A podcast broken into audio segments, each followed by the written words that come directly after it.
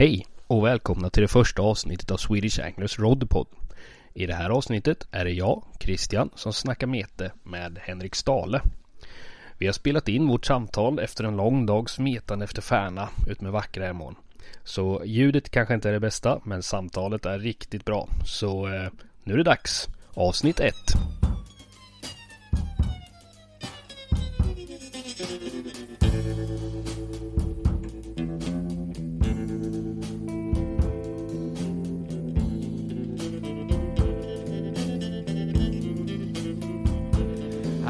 Enough of your bullshit to last me a lifetime. So get out of here. I don't want to see you around here anymore. Ja, vi kan sammanfatta en eh, bra dag och hög livskvalitet. Sitta här med en tänd grill. Mitt ute i skogen. Bara njuta av naturen. Mm. Reggwhisky också. Precis. Får man inte glömma bort. Nej, den har jag jagat länge, min reggfan och idag kom den. Det var eh, häftigt. Riktigt roligt på lång lina och på ett svårt ställe. Ja, det var kul.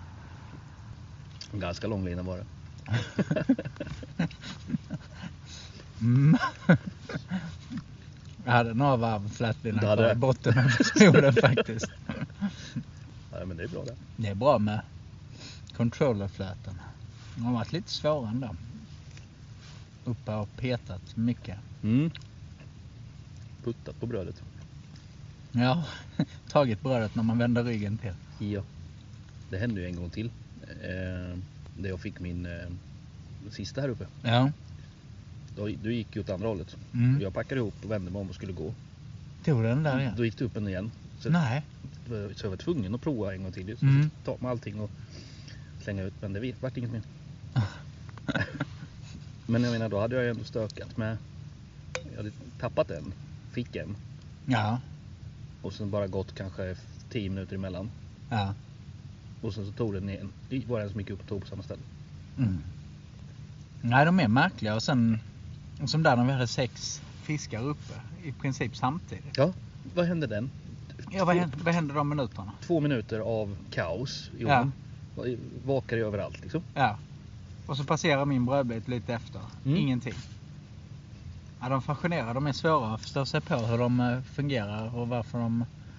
Om, de är, om det blir någon konkurrens eller om det, de kommer i ett stim eller vad de gör. Ja, vad händer, vad händer just Mm. vid det tillfället? Mm. Som gör att de triggas. För det var ju inte en fisk som gick upp sex Nej. gånger, det var ju olika. Ja, ja, ja, absolut. Ju, uppe, det var ju två upp samtidigt. Mm. Och sen inget mer. Det hade varit intressant att veta vad de, eh, om de äter mycket sländor och sånt som är uppe också. Mm. För det kändes flera gånger som att de var uppe och bakade och inte tog brödbitar. Mm. Så de äter ju annat med som de tar på det sättet. Ja, men det gör de garanterat. Eftersom det är så många som flugfiskar som får dem som bifångst.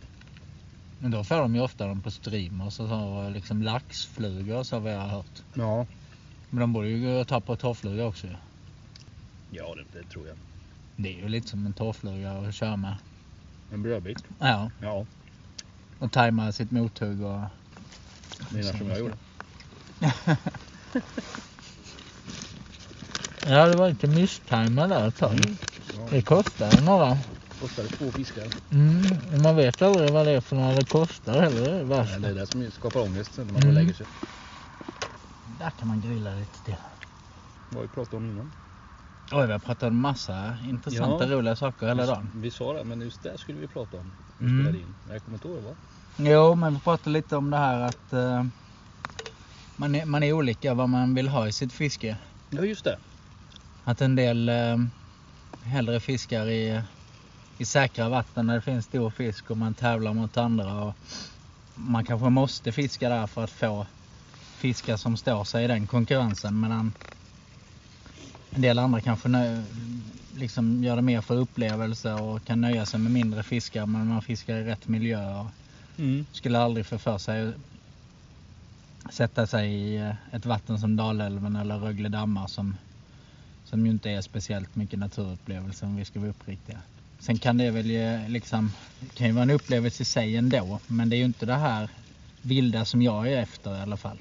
Jag älskar ju det här eh, som är här längs Emåns stränder. Att man eh, ser spår av djur och det är tyst och det är skog och det är snårigt, svårt att ta sig fram och det är tyst och det känns liksom vilt. Sträckan man väljer att fiska på, är det, för mig spelar det ingen roll om det är där de största är tagna eller sådär liksom. Det, jag vill ha känslan i det också. Sen, sen kan jag ibland känna också att man, man, man sätter sig i storfiskvatten och man vill ha en storfisk men man ska inte glömma bort att värdera annat också. Att fiskarna kan ha olika värden. Det var som vi pratade om färnorna. Du blir jätteglad du fick en helt perfekt formad färna. Mm. Jättevacker fisk i bra kondition och vackra färger och så. Man måste kunna uppskatta inte bara storleken. Nej, nej. Nej, den var ju... Ja, kan vara 1,8 kanske. Mm. Men var... alla vi har fått idag har ju varit fina fiskar. Det har inte varit någon under kilot. Och man får en stridbar fight och den kan vara på ett ställe man till slut liksom i sjunde driften får den där fisken som varit uppe och plockat. Ja, ja. Det är ju värt hur mycket som helst. Eller den jag fick på strax över två där. Mm. Som tog vi kanten precis. Halv meter från, från där jag satt. Ja. Och där du dessutom hade haft världens pulshöjare precis innan. Oh. Som du helst vill glömma kanske. Lite så. Nej, men vi vet ju vad den är. Mm. Och den var riktigt stor. Ja, det har vi också pratat om. Vissa fiskar som ser stora ut. Abborre och färna och... De kan verkligen se groteska ut i vattnet. Ja. Jo, men man blir oftast lurad av att man tycker att den är större. Medan många andra arter så tycker man att den ser inte så stor ut. Och så, Nej. så hovar man den och sen oj, Ja, precis. den var rätt rejäl denna. Mm. Medan färnan alltid ser så jäkla stor ut när den kommer in mot hoven. Ja. Och sen när man lyfter upp den så nah, nådde inte ända fram. Liksom. Nej, exakt. Och de är ju stora också. De är ju lite speciella för det är ju mellan två kilo. Får du en som är 55 så kan den väga över två kilo. Är den då 57-58 då kan den väga över 2,5. Så det är ju Mm. ändå det är två centimeter längre fisk. Ja, Och ändå är den ju en helt annan viktklass. Så att de är ju rätt speciella så. ja det är Och abborren är ju också lite så. Men du kan ju få en 50 cm abborre som är utlekt eller avmagrad eller gammal eller något som väger 1300. Men sen kan du få en sån fisk som väger 2 och 3 och då är det ju har helt abnorma proportioner. Mm. Så det är väl därför de ser sådär kolossala ut också. När de vänder upp sidan liksom. ja. Sen har de ju så stor mun och är liksom ett rejält huvud på en färna ju. Så att de, de, de ger ju ett stöddigt intryck på något sätt. Mm. De är speciella. De har ju väldigt stor liksom. mun i förhållande till eh, kroppen om man jämför med andra fiskar. Man ser ju att det inte bara är någon som behöver äta småsaker utan det är ju en, en riktig allätare. Ja, Den ser ju nästan ut som man kan äta en mus eller en liten stackars fågel eller vad som helst. De är ju, det är ju ett jäkla gap den har faktiskt. sen kommer en stackars liten fågel och landar i vattnet så blir det lite... Ja, det, det, det pratar jag om. Det ser man ju inte här hemma. Det finns inga fåglar Nej, hemma. finns inga fåglar hemma. Ingen som vågar simma i alla fall. Undrar vad det beror på. Mm. Vi får fråga hav. Ja. Men jag såg en där borta förut. Ja, gjorde du? Mm. Som hade landat och simmat Ja. i vattnet? Han var nere i... Det är närmast unikt ska jag säga. Var det en gås då? Nej, det var det faktiskt inte. Nej. Det var någon... Jag är helt värdelös på fåglar men eh, det var ju någon av de här mindre modellen. eh, Inte and eller anka eller något Ja, sånt. ja, utan, ja. eh, Okej. Men de här... Mm, jag vet vad du Och- menar för någon. Vigg eller någon Ja, sån. precis. mm. Någon av dem. Eh, Men den var inte nere så länge. nej. Jag har sett samma sak nere i de riktiga, riktiga grodyngelreviren där eh, gäss har landat och liksom oroligt plaskat runt i tre sekunder typ och sen lyft och bara känt instinktivt att Här ska jag inte här vara. ska jag inte vara. Ja, nej. Men eh, det finns ju inga malare enligt hav. De är starkt hotade. Att, eh, Ja, ja. Det måste vara någon annan anledning till fåglarna inte trivs. Men eh, diskussionen ska bli intressant att höra framöver. Ja, man kan hoppas att det händer någonting med det under Mm. ens livstid. Att man inte bara är sånt här. Något man går och önskar och trånar efter. För eh, man borde ta tillvara på de kunskaperna som finns. Och det är, det är många rapporter om att det är mycket mal. Så att eh, Ja, De behöver nog uh, se över det där. Man kan hoppas att det blir någonting. Alltså att de kan... Ja, att sportfiskarna kanske kan få vara med lite i alla fall. Det är väl det bästa sättet att se hur mycket det finns också. Ja. Om man har styrda projekt där man dokumenterar noga vad man får. Då kan man kanske få en mer, och så kan man ju märka någon med sändare om man nu är ja, väldigt de, nyfiken på hur många olika individer det är och hur de rör sig eller hur stationära de är och så. men det gjorde de väl uppe i... Vad är det? Nyköping? Jag tror där i Båven, för där vet jag, jag såg något inslag när de var, och de pejlat dem till någon jävla sån här flytö eller någonting, att det var fullt med malar under den. De skulle leka eller någonting. Ja, De gör ju några konstiga hålor eller bon eller någonting när de ska... Så de, var, de hade pejlat in flera stycken där Ja. under den bädden. för vet jag... Det var någon sån kamera de använde så man kunde se dem rörde sig under. Mm. Ja, de måste vara märkta på något sätt. Ja. Emman har aldrig hört att de har gjort det. Nej, det finns det väl ingenting som... Som eh, är gjorts egentligen överhuvudtaget. Nej, och det är ju konstigt om det är en fridlyst art att man inte undersöker då hur bestånden verkligen ser ut. Ja. Då blir man ju misstänksam. Och sen vet man ju också att det simmar ju mal i många, många, många fler vatten. För att de har fått hjälp av eh, fiskare. Det är ju bara så. Ja. Ja men så det har man väl hört alla möjliga historier om att det finns mal på olika ställen. Till och med i populära badsjöar. Ja men det är en, det är en häftig å Emman. Det är ju, den är väldigt artrik. Det finns ju till och med en spillra av ett aspbestånd. Och jag, tror, jag tror jag har hört att det är en av de mer artrika vattnen i, i Sverige faktiskt. Ja. Det finns väldigt många ovanliga arter också. Två mil lång och slingrar sig fram i småländska landskap. ja. ja det är häftigt. Det, finns så mycket arter i den. Ja, den går inte att utforska under en livstid, ens 22 mil år. Nej. Jag får välja ut några stycken och tänka att här är min sträcka. Med tanke på hur det ser ut nu jämfört med vad det brukar göra. Ja, nu är det ju dubbelt så stor år. en meter högt. Det blir ett helt annat sätt att utforska. Mm. Men det gick det med. Ja, men det är rätt. Alltså det där är lite lustigt. Hur, hur, eller lustigt. Hur, hur, hur de förflyttar sig kontra alltså, Mm. högt och lågt och var de ställer sig. nu. Ja, och det fick vi ju inte riktigt någon eh, klarhet i idag heller. Mm, nej, för först stod de och tryckte i kanterna. Ja, Riktigt mycket i kanterna. Och sen var det mitt i Och sen strömmen. tog du din största mitt i strömmen. Ja. Så det var ju inte så att man... Ja, Nej, nu, var- nu har vi knäckt koden Nej, nu är ute i kanten och sen... eh, Nej. De var, de var på flera olika ställen. Ja, det är konstigt det där alltså. Hur, man, hur det kan förändras under dagen. Tyst där också. Ja, en fantastisk stjärnhimmel. Ja. Sådana här dag, dagar skulle man ha flera av i livet. ja, men jag sa ju innan att man skulle få hela...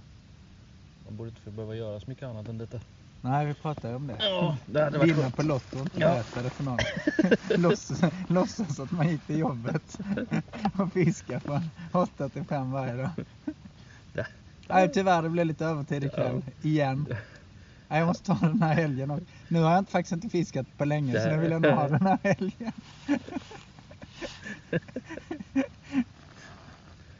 Behöver komma ifrån jobbet lite.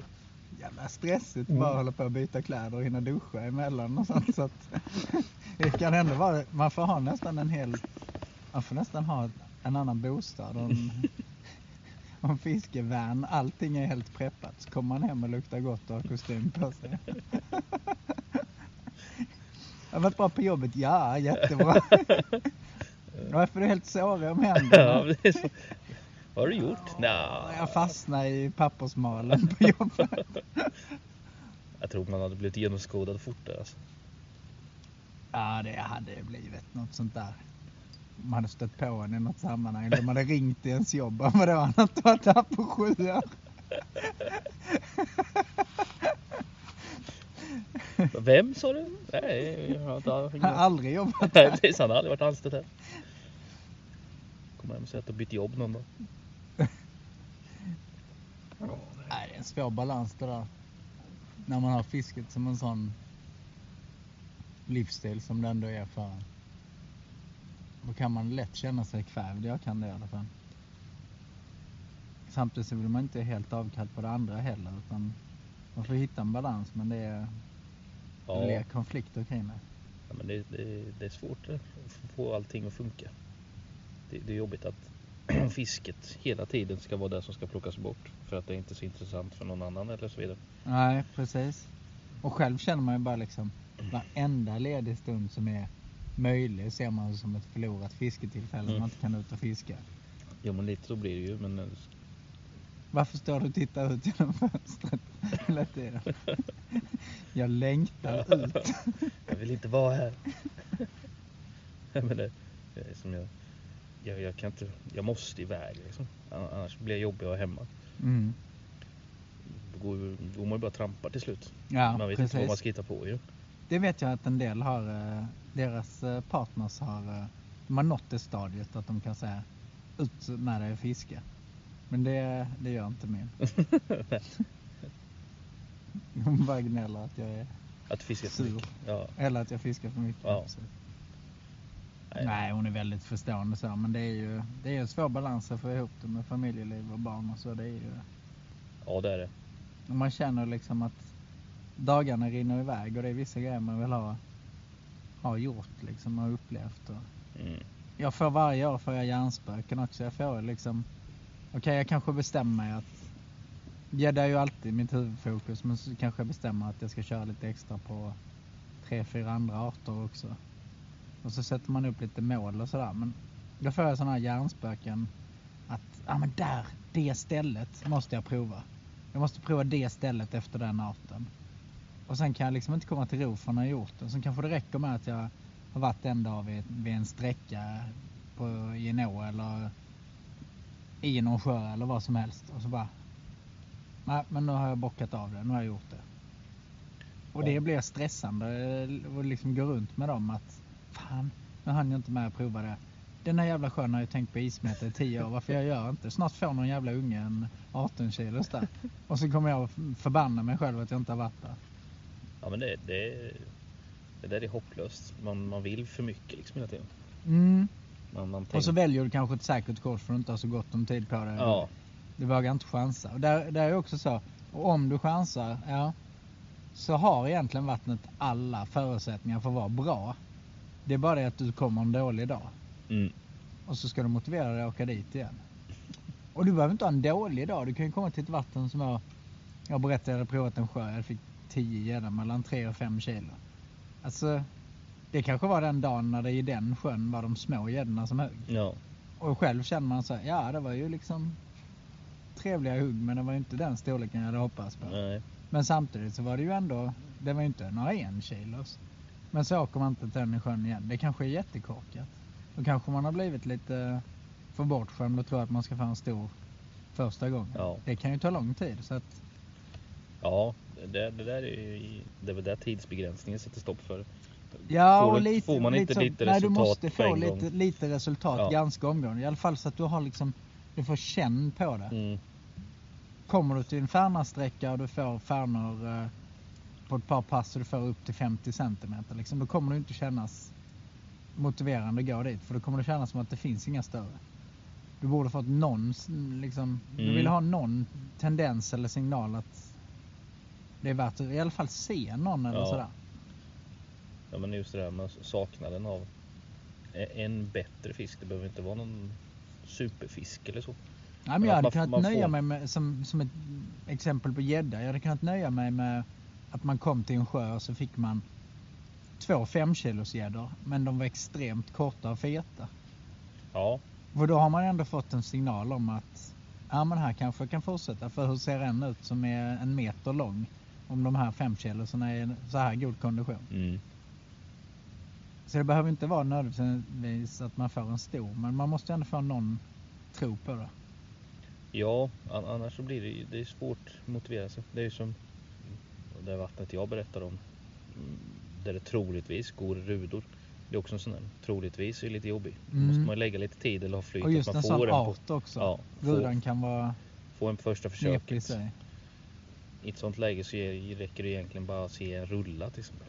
Ja, Så har du ju, ja men då är de här i alla fall. Ja, då kan man precis. lägga tiden på dem.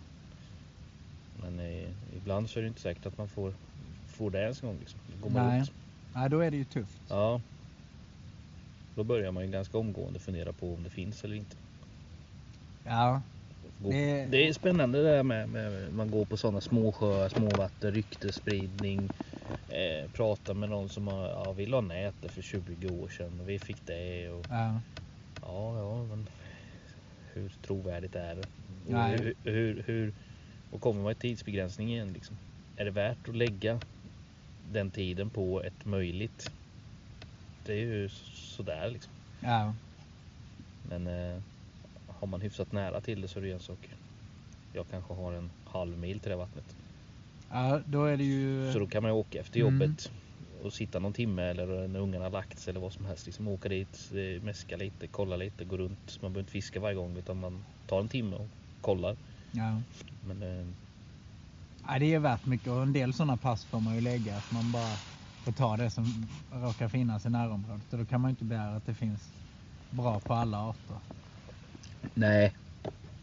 Men det är ju ändå, som i det här fallet. Jag, har- jag kan ju fiska i Emån eh, på betydligt närmare håll. Det kanske är två mil, den kortaste vägen till eh, att fiska i Emån. Eh, Efter Färna. Men då känns det, där känns det som att man får mycket smått där nere. Mm. Så väljer man ändå att åka hellre ta en, en och en halv timme att åka och komma och ändå ha, Chans på riktigt stor. ja faktiskt. Jo men det, Och sen är miljön där nere, det är hur fint som helst och det är, det är ju kul fiske så men det, det är ändå, det är någonting som inte riktigt, man får inte det här riktigt samma när man inte kan tro på att det finns någon, eh, någon riktigt stor där. nej. Det där just med Färland då, då är det lite så. Då får man nog vara beredd att åka lite tycker jag. Ja, För att kunna få tillgång till lite större. Det är rätt spännande med. Alltså sträckorna. Att vissa sträckor verkar hålla större fisk än andra. Och, ja. Det är också intressant om vad det beror på. Om det är åns karaktär, om det är med djupförhållande och Ja. ström och, och så. Eller om det är att de har hittat andra födonischer eller vad som gör en sån sak. mm. Men det är som vissa delar så kan man få nästan bara två kilos. Ja, Och, och sen så en kilometer upp eller nedström så får du helt plötsligt bara en kilos. mm. Vad är, vad är det som gör skillnaden liksom? nej precis. Den är knepig. Men ja, det- man undrar om en sån fisk som, som färnan, de är också så aggressiva mot varandra. Att de håller eh, revir och ja, att de liksom en två kilo stöter bort en en kilo så eller hur det funkar. Men sam, samtidigt så går ju det emot lite av det jag vi, eh, den boken jag pratar om. Från, eh, som jag inte kommer ihåg. Ja precis, med han som eh, Som jag fortfarande inte kommer på vad den heter. nej, men som Nej, nu står det fel på. Den ska- kunde urskilja Ja. Individer i stim och fiskar. och då var det ju, enligt han så var det ju mindre mindre fiskar som stod längst fram och fick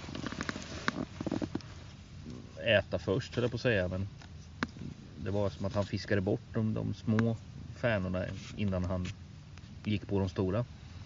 Han lockade ut dem för, att bara plocka bort de stora eller små och så släppte han dem ju en bit nedströms. Ja precis. Det gjorde ju jag inte idag. Undrar hur stora de var de som stod bakom min regnpanna. Ja. Jag glömde fiska. Du glömde det? Ja, jag skulle släppt den längre ner så jag kunde tagit den stora sen. Men då, den boken och den... Men han måste ju ha, men tänk på det, han måste ju ha klart vatten eller någonting också Ja. som han vet att de är i stim. Eller liksom, kan man få den fiskekunskapen bara fiska mycket eller att man kommer på att, att det är på ett visst sätt? Jag vet inte. Nej, jag, jag får mig att stod att han, alltså att han såg dem. De verkar ju ha rätt mycket sådana vatten när det är mera klart. I England ja. Mm. ja. Sådana ginklara strömmar. Det ser man ju bara när de filmar vissa. Man kollar på sån här gammal typ John Wilson eller någonting. Mm. Till och med på den tiden så lyckas de ju filma så att man såg eh, fiskarna simma runt Mm. under ytan. Har du varit över och fiskat i England någon gång? Nej. Nej. I sådana fall skulle jag åkt över och fiskat barb. Ja, det hade varit kul att prova på. Jag Mm. är, har varit lite sugen på att åka och prova gädda också. De har en del spektakulära vatten och de har Ja, vad heter det? Shoe eh, Valley. Ja, precis. Men det, det är rätt häftigt vatten ändå för att, utifrån engelska standarder så känns det som att ett, ett gäddvatten eh, dör ganska fort. Mm, Medan deras, det vattnet har ändå hängt med i många år. mm. Det är rätt coolt. Ja, det är skithäftigt. Det var kul att se lite mer hur de praktiserar sitt deadbait-fiske också. Men lägga sig i en stor sjö och kasta ut några flötmetade döda betesfiskar. Det är inte så att man... eh, Det låter jätteupphetsande för en annan. Det känns ju som att man borde kunna hitta någon form av mer effektivitet. Alltså, Jag vet inte, flötestrollar. Det kan man göra med död betesfisk. Då rör det sig i alla fall lite mer. ja, ja men de åker ju, de ankrar ju upp mitt i sjön. De ankrar ja, Ja. de gör ju det. Ja, nu sitter de i det. En stor sjö. Var, var ska det liksom... Här lägger jag mig, här är den. Men de får ju, de får ju bra också ibland. Ja, ja. Ja, det är jättekonstigt. Kommer idén ifrån liksom? Mm. Men kan man tänka sig, skulle man göra det själv också? Skulle man bara lägga en fet jävla död brax, bara låta den hänga någonstans emellan vattnet. Men det är lite som att jag hade kört en period jäkligt mycket eh, fisk efter abborre med löja. Och så fick jag för mig på ett ganska hårt fiskat ställe, fick jag för mig att eh, jag skulle prova med mask istället. Hon kanske äter det och vill ha något annat. och så hängde jag på mask. Och så kastade jag ut mina två spänn. Och sen satt jag där i 10 minuter kanske och så bara Fan vad tråkigt, vad håller jag på med? Sitter och glor på de här topparna. Det är omöjligt att få någonting. Gud vad tråkigt.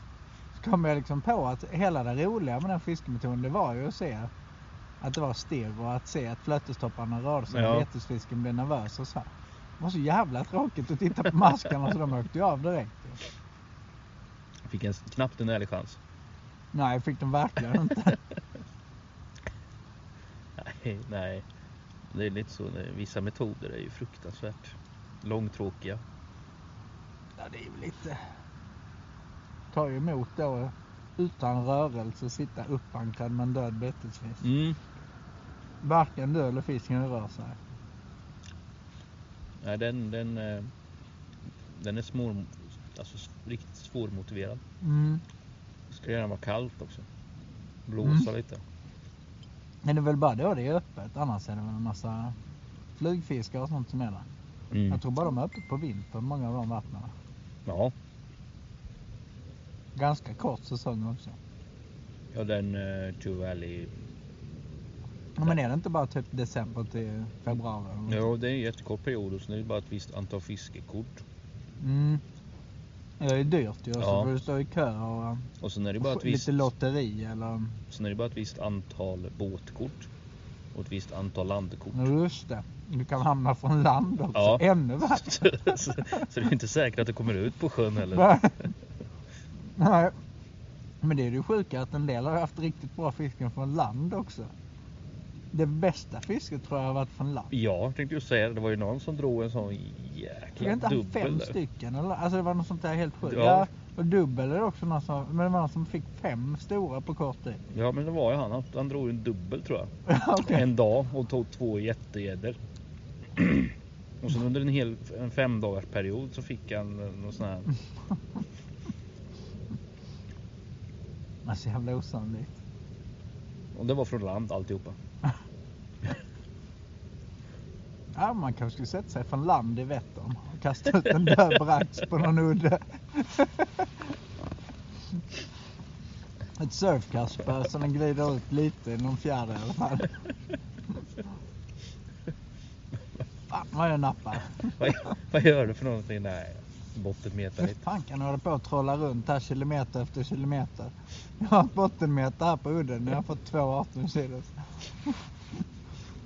Ja, det hade ju varit. Det hade ju varit optimala förnedringen på något sätt. Nej, det hade varit kungligt roligt i och för sig. Om man lyckades. Total förnedring. Ja, ja, men vad gjorde du? Körde du platypus och släpade sex spön efter båten? Nej, för fan. Jag har hittat ett bra landställe och kastat ut en halv brax. Ja. Jag körde typ med båten över halva Vättern och Och sen hittade jag en fin udde att lägga mig på och, så satt jag där. och deadbata. Ja, det hade varit det bästa. Nej, stegräknaren som du sa. Undrar hur många steg man hade kommit upp i en sån här dag. Ja. Det måste ju vara många tusen. Är det inte rätt vanligt med sådana som har det att man kommer upp i 10 000 steg? Jag tror det. Och sådana här dagar måste man komma upp i jävligt mycket mer i så fall.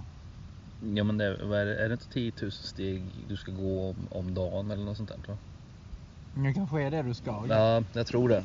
Och sen eh, kan man väl säga att vi har kommit upp i ganska många än 10 000 nu va? Nej, det lär vi ha gjort det.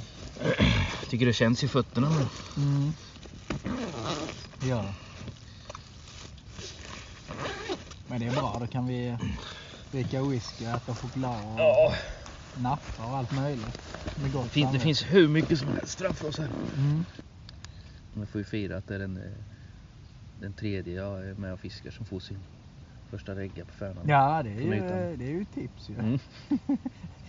Du kan, kan ju ta betalt för guider.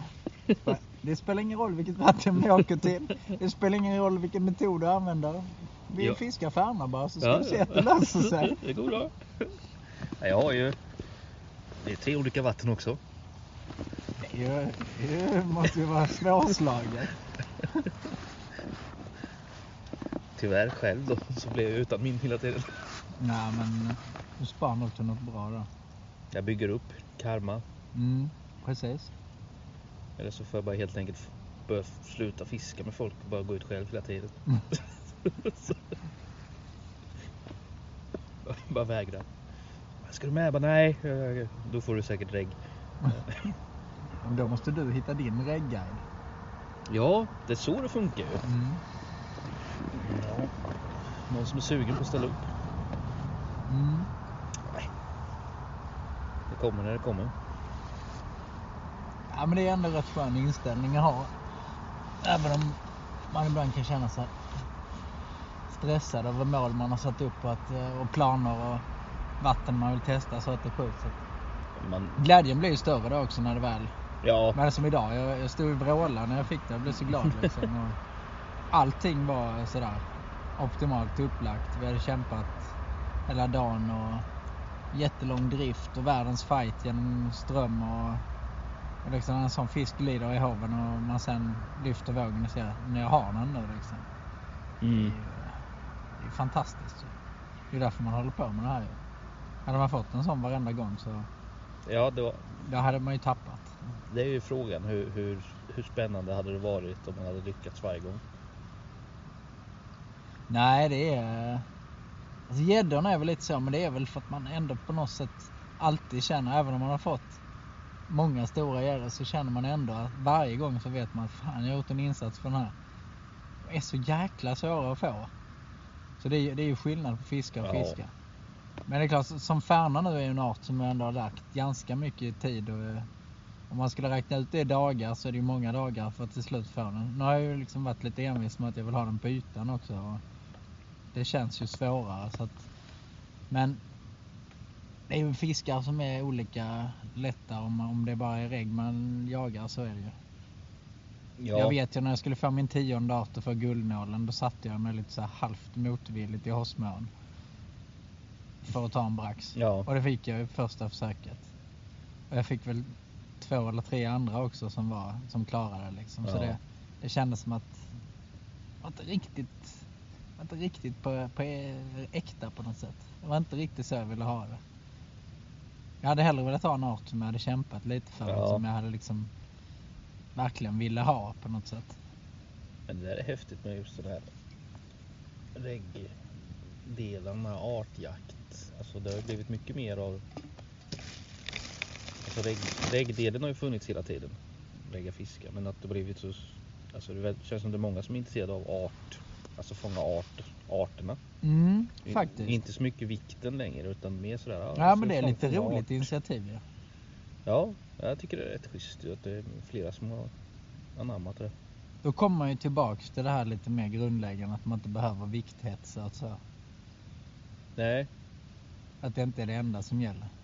för, för ibland så känns det som att det blir lite lite för mycket kring vikten. Att man glömmer bort liksom du glömmer nästan bort fisken, du ser bara vikten. Mm. Och då, och då har man Då känner man ju, jag hade känt att då hade man ju tappat lite varför jag gör det. Ja. Alltså vad, vad är fisket då? Är det bara en vikt? Eller är det något mer? Det har inte så mycket med artjakten att göra men jag fastnade lite där kände jag. Fighten tycker jag också ändå är viktig. Ja, Om, Ja. du, om du kör riktigt så här bara artjakt och liksom får en liten tånglake och vad som helst. Jag kan förstå tjusningen och svårigheten att få en liten fisk men då tappar du ju det momentet. Det är ju ändå det är, det är viktigt för mig i alla fall. ja, Att man liksom har anpassade grejer och du får en strid mot fisken och du till slut lyckas leda in den i haven. Mm. Det ska liksom kännas, du ska inte vara helt säker på att nej, så fort jag sätter kroken så får jag in den. nej, Och det, det här fisket är ju häftigt på det sättet. Det är en massa stockar och stenar och ja men jag satte ju en idag. Ja precis. Och jag var nära att sätta en igår och alltså det är... Man kan inte räkna med att få upp alla och det gör ju att det blir extra puls och då blir det extra roligt när man lyckas också. Ja, ja men det är just det med alltså att fiska på rätt utrustning. Mm. Så du får den här fighten. Du ska inte kunna boxera hem fisken bara för att du ska få den i hoven liksom. Nej. Det är väl någon form av utmaning i det. I alla fall för mig tror jag. Alltså Ja. att fisken behöver kanske inte vara så himla stor men att du lyckas med det du åker för att göra. Liksom. Ja. Att nu ska du fånga stor färna. Ja, det är det som är målet. Det som är coolt med den arten det, är ju, det tycker jag också är att det finns så många utmaningar i den. Ja, För du kan ju ha, du kan ha att den står på ett svårt ställe. Du kan vara att du, du, eh, det är en, en speciell fisk eh, du vill ha. Du, det kan vara att eh, du, liksom, du måste göra din drift tio gånger innan du hamnar perfekt där. Du måste knäcka vad den äter, du måste få upp den på ytan. Alltså det, är, det är väldigt många moment som kan göra att du blir glad över fisken. Att Ja. det är en vacker fisk, att den... Ja, det, nej, det där är ju... så, så är det inte med alla känner jag. Nej, där är just färna väldigt speciell tror jag. Mm. Just- Du kan få den på ett fint ställe bara kan jag känna. Ja. Det räcker. Ja men hela omgivningen på något sätt. Mm. Även om fisken väger eh, ett och ett halvt kilo. Kan man titta runt sig liksom och tänka fasen det här är schysst alltså. Ja, och även alltså sådana mindre färnor, om den väger ett, ett och ett halvt kilo. Det kan ju varit en fisk som är sjukt svår att lura ändå. Ja, Det kanske ändå är på sjunde driften och den har ätit eh, åtta brödbitar och skitit i din i en halvtimme. Då är det ändå en sån seger och man känner att fan det här var roligt. ja, ja men det är det ju. Och det är ju just att du kan, du kan fiska det på ganska många olika sätt och Mm. eh, anpassa metoden efter alltså, man, bottenmeter man tittar man på en helt annat sätt för att hitta platserna kontra hur du gör när Absolut. du kör mot eh, ytan då för då tittar du på något annat. Eh, ja, kör du flötmeter så är det ju nästan lite annat också. Ja. Det är nästa då, då ska du ta en regg på flötmeter. Ja. Då får du bara flötmeter numera.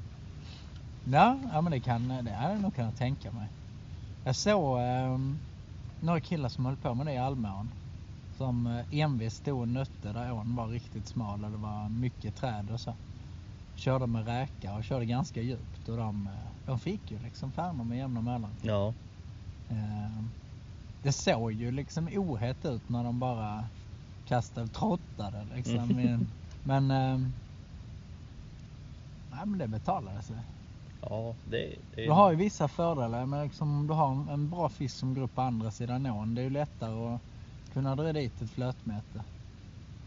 Ja, och så, det, det är ju även en metod som glöms bort känner jag. Jag, Ja, jag är extremt en- dålig på att Mm. ta tag i, i ja fast någon går inte upp och tar ordentligt då kanske man skulle kört flötmeter. Satt en brödbit en halv meter Mm. med sig så hade man Precis. kan, kanske lyckats ta den där fisken. Och det är ju verkligen en kombo då. Ja. Du har rörligheten men samtidigt så kommer du ner och du kan ta dem om de är, om de är skygga. ja. Ja, det är ju det där, det är återkommande, man måste tro på det själv. Mm. Det känns ju liksom på något sätt lite ohett också. Men det är ju det är väldigt sällan man ser någon stor flötmeta färna liksom. Nej, det är inte vanligt. Nej.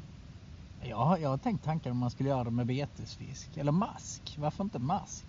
De måste ju äta mask. De äter väl allt liksom. Färnorna ja. Ja. Par rejäla maskar och ett flötmete som du trottar på en, eh, en jämndjup sträcka och liksom. Det måste du kunna få fisk på. Det tror jag garanterat. Problemet är väl att man får en massa annan fisk också. Ja, det ger ju risk när du kör så. Ja det är det ju för sig med nästan vad du sätter på kroken om du kör bottenmeter på efter färna så. Nu är det ju ändå, alltså den här tiden är ju ganska lindrigt. Det är Ja. värre på sommaren, då kan det ju vara fullständig terror. Då måste du nästan vänta till de sista timmarna för att få ha det i fred. Ja det är, det är brytpunkten är ju snart. Mm. Då går det ju inte alltså bottenmeta med bröd. Det är ju bara att glömma. Ja. Man ser ju idag här på hur mycket löjorna går på. ja, och mörten en del också. Ja, ja den sträckan nog uppströms härifrån var de ju hur mycket mört som helst. Det var som det aldrig är när man behöver mört till gäddorna. Och hur är det här då? Om du betesfisk. Det har vi ju pratat om under dagen. Men det är Mm. jag tänkte på. Jag tänker mer på ha, har alltså få tag i betesfisk. Har det lett in dig någon gång på att du ska få regga på en viss art? Eller att du har blivit så att det har genererat mer? Lite tror jag nog ändå för att jag har metat rätt mycket mört till exempel då. Och eh, jag har ju haft roliga mörtfisk ändå. Minns ett jag och brorsan hade när vi eh, vi köttade mört i december i en liten eh, å. Så man insåg liksom att fan sådana arter behöver inte vara varmt och eh, liksom hyfsat fint väder så det kan vara så här en gråmulen december då Mm. och två grader men de hugger ju ändå. Mm. Och det går alldeles utmärkt att mäska lite och vi fyllde ju ut eh, sådana här 4-5 meters keepnet. Det var så tungt så att vi fick eh, krypa ner längs några lejdar och hänga två karpsäckar runt för att lyfta upp det. Det var hur mycket mört som helst. Så vi var bara sortera ut dem man inte ville ha. Högg liksom varenda ute. Skitroligt var det. Kulmen var där. Ja, jag skrattar åt det men det är lite tragiskt ändå. Vi hade ju inga hovar eller så så att, vad skulle man lyfta upp dem på kajen? Jag fick en så stor mört att min eh, tafs som kanske var 016 eller 18 den gick av när jag lyfte upp en mört. så den var, den var stor. Det var en stor mört. Mm. Men har, har, det, har det lett in dig på att du fått för att du ska fånga någon annan reggart eller så? Jag vet, du höll på att kämpa med sarver rätt länge. Eller länge kanske det inte var, men du hade väldigt... Jo, jag hade några tunga pass. det var en så jävla ogästvänlig miljö där jag gjorde också. Fy fan. Det var, det, var, det var också en sån art som inte kom gratis. Och sitta i ett träsk med myggor och sniglar och... Ja, fy fan alltså. Sen dess har jag inte fiskat sarv heller.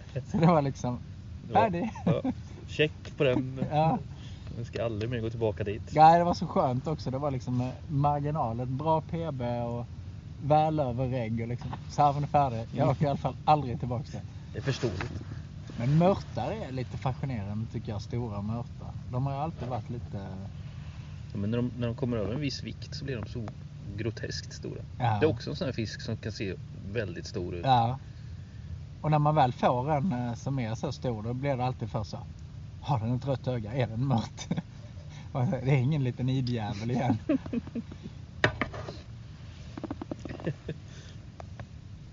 Gäddan då? Det är fortfarande lika... Ja men det är det nästan. Man blir inte riktigt lika glad om, om vi säger, om vi tar gränsen 10 eller 12 kilo så det är inte samma eufori som det var innan.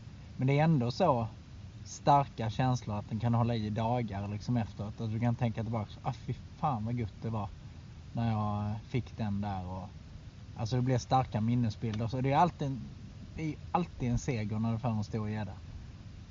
I alla fall då, nej, jag tror det är nästan överallt. Alltså, det är svårt att få stora gäddor. Där är ju, i jämförelse med andra arter så är det ju svårt att få en reggfisk på gädda. Det det är en hög reggvikt och de är, det är mycket tid som går åt. Mm. Och sen är det en massa tid som inte syns heller med ansamlande av betesfisk och det är ett sånt jävla konkande alltid också.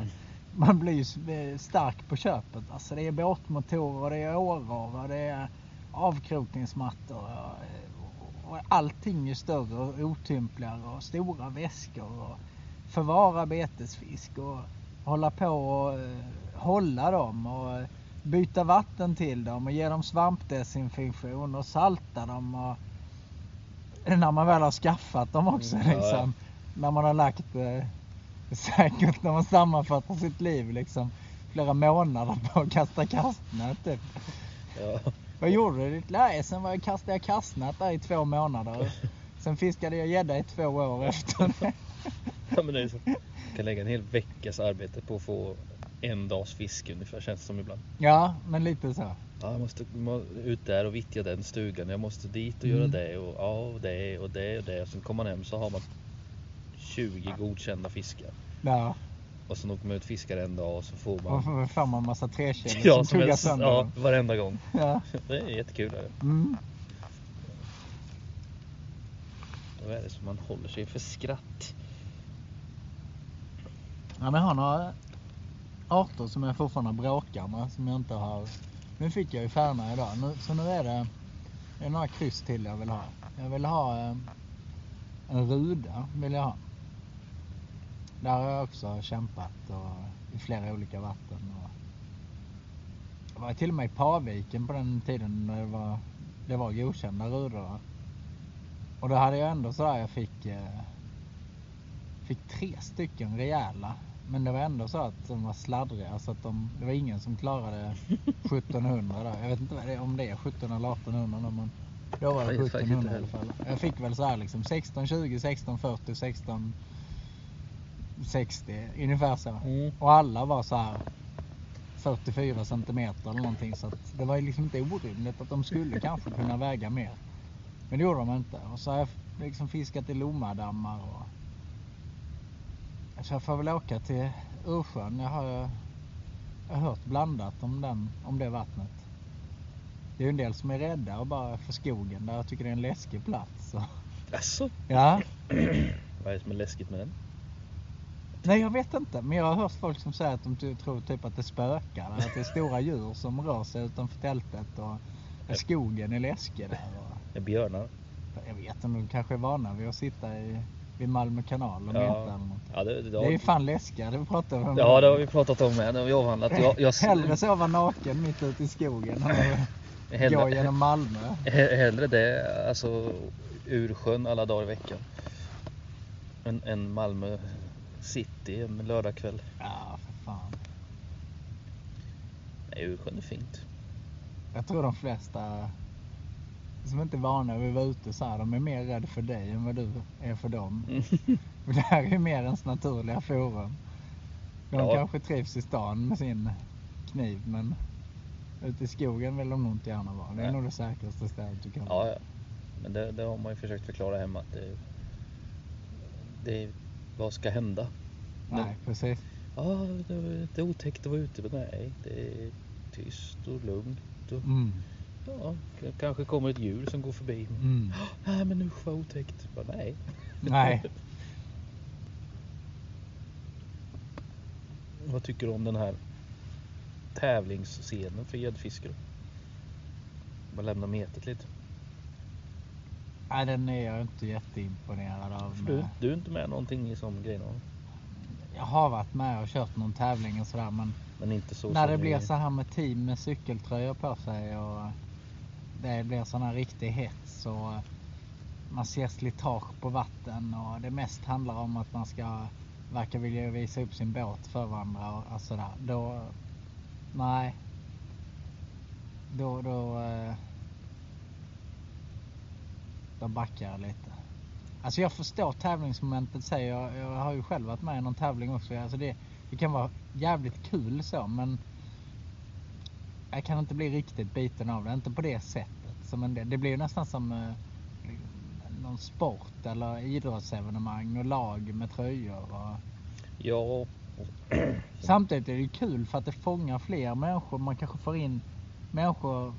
Redskapstillverkarna är väl överlyckliga. De får in massa människor som inte har brytt sig om fiske innan. Som, eh, som ser en niff där de kan styla med grejer och det är lite häftigt och coolt och inne och sådär. Det var ju ett tag när fisket var lite på dekis. Så då, jag vet, de skrev i artiklar i Fiskejournalen och liksom sådär att de eh, undrade hur framtiden såg ut för fiske för ungarna bara spela dataspel och så.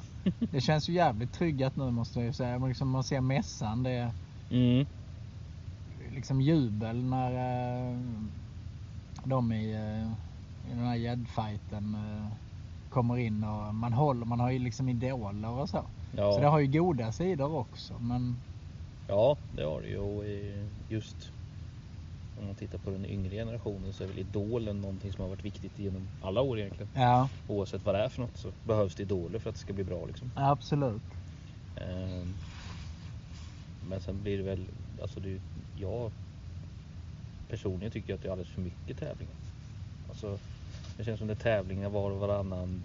Det Ja. finns hur mycket Det tävlingar har som blivit helst. inflation i det. Det, det Och vissa områden är riktigt hårt utsatta och då, eh, då retar man upp. Även om man inte kanske kan vi- bevisa att det försämrar fisket så retar man ändå upp en massa människor.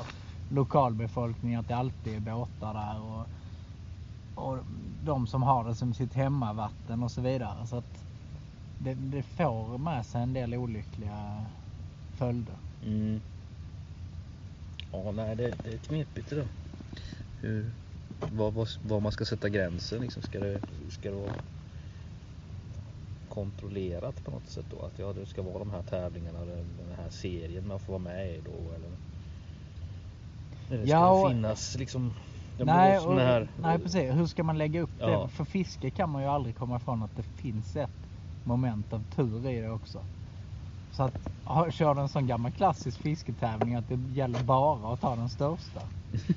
Då kan ju vem som helst i startfältet vinna Ja, ja. på ett annat sätt. Om du kör, så fort du börjar köra liksom ett visst antal eller kanske ännu hellre då att man skulle köra flera tävlingar i någon serie och i olika vatten och så. Det är väl först då man kan plocka fram den som verkligen har presterat och som liksom kan läsa vatten, kan flera metoder, kan behärska flera vatten. Eh, då kommer det ju, det blir på något sätt ett rättvisare resultat. Mm. Men det är ju ändå det är ju svårt att mäta sånt. Ja, men kollar man utomlands så är det ju stort menar jag med USA och allt. här. Ja. Men det känns som att i, i Sverige finns det ju bara oändligt många tävlingar. Men Ja. ja, så nu, vad heter den här, eh, den gick för någon, var det Vänern, Vättern, vad fan var de? Ja. Predator Tour vad den heter. Ja, precis. Det var ju, s- vad var det, 200 lag? Jag vet inte hur många, men det var ju, det var ju bra många i alla fall. Och det är ju... Det är ju kul att de, de lägger det till Sverige och att de har bra fiske och så. Men man behöver inte vara Einstein för att räkna ut att det kommer kosta på Vätterns gäddbestånd. Mm. Det fick de ju, de fick ju mycket stor fisk med. De hade 145 över metern tror jag. De som var ute på ett par tre dagar. Det är ju jävligt bra. Ja. Eh, så att om folk hade missat att Vänern var bra innan så, så vet de det nu Ja, jag tänkte säga, nu är ju det vattnet högaktuellt för alla att åka till. Ja. Sen är det väl lite dubbelt sådär för att är det flyttar man fokus från ett vatten kanske det är något annat som får vila lite men det är ju Mm. vissa Alltså som där med tävlingar, det är ju väldigt många tävlingar som är i Blekinge skärgård till exempel.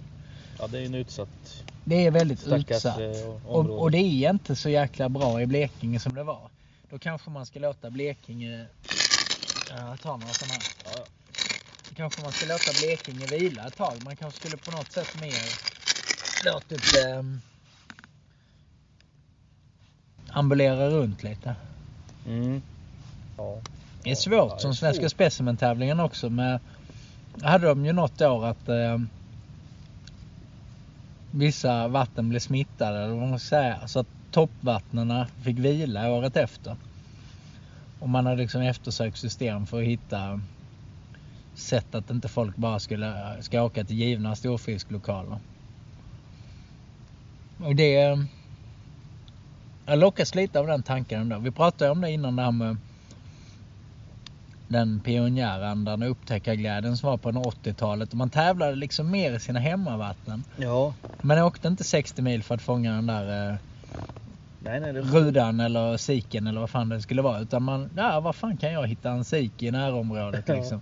Ta min gamla Volvo och rulla. Ja det kanske finns någon på kusten. Och så liksom, Ja, men lite så. Det, det, det är många man har läst eller hört om som liksom, ah, nej men jag kanske höll mig på en 10 mils radie.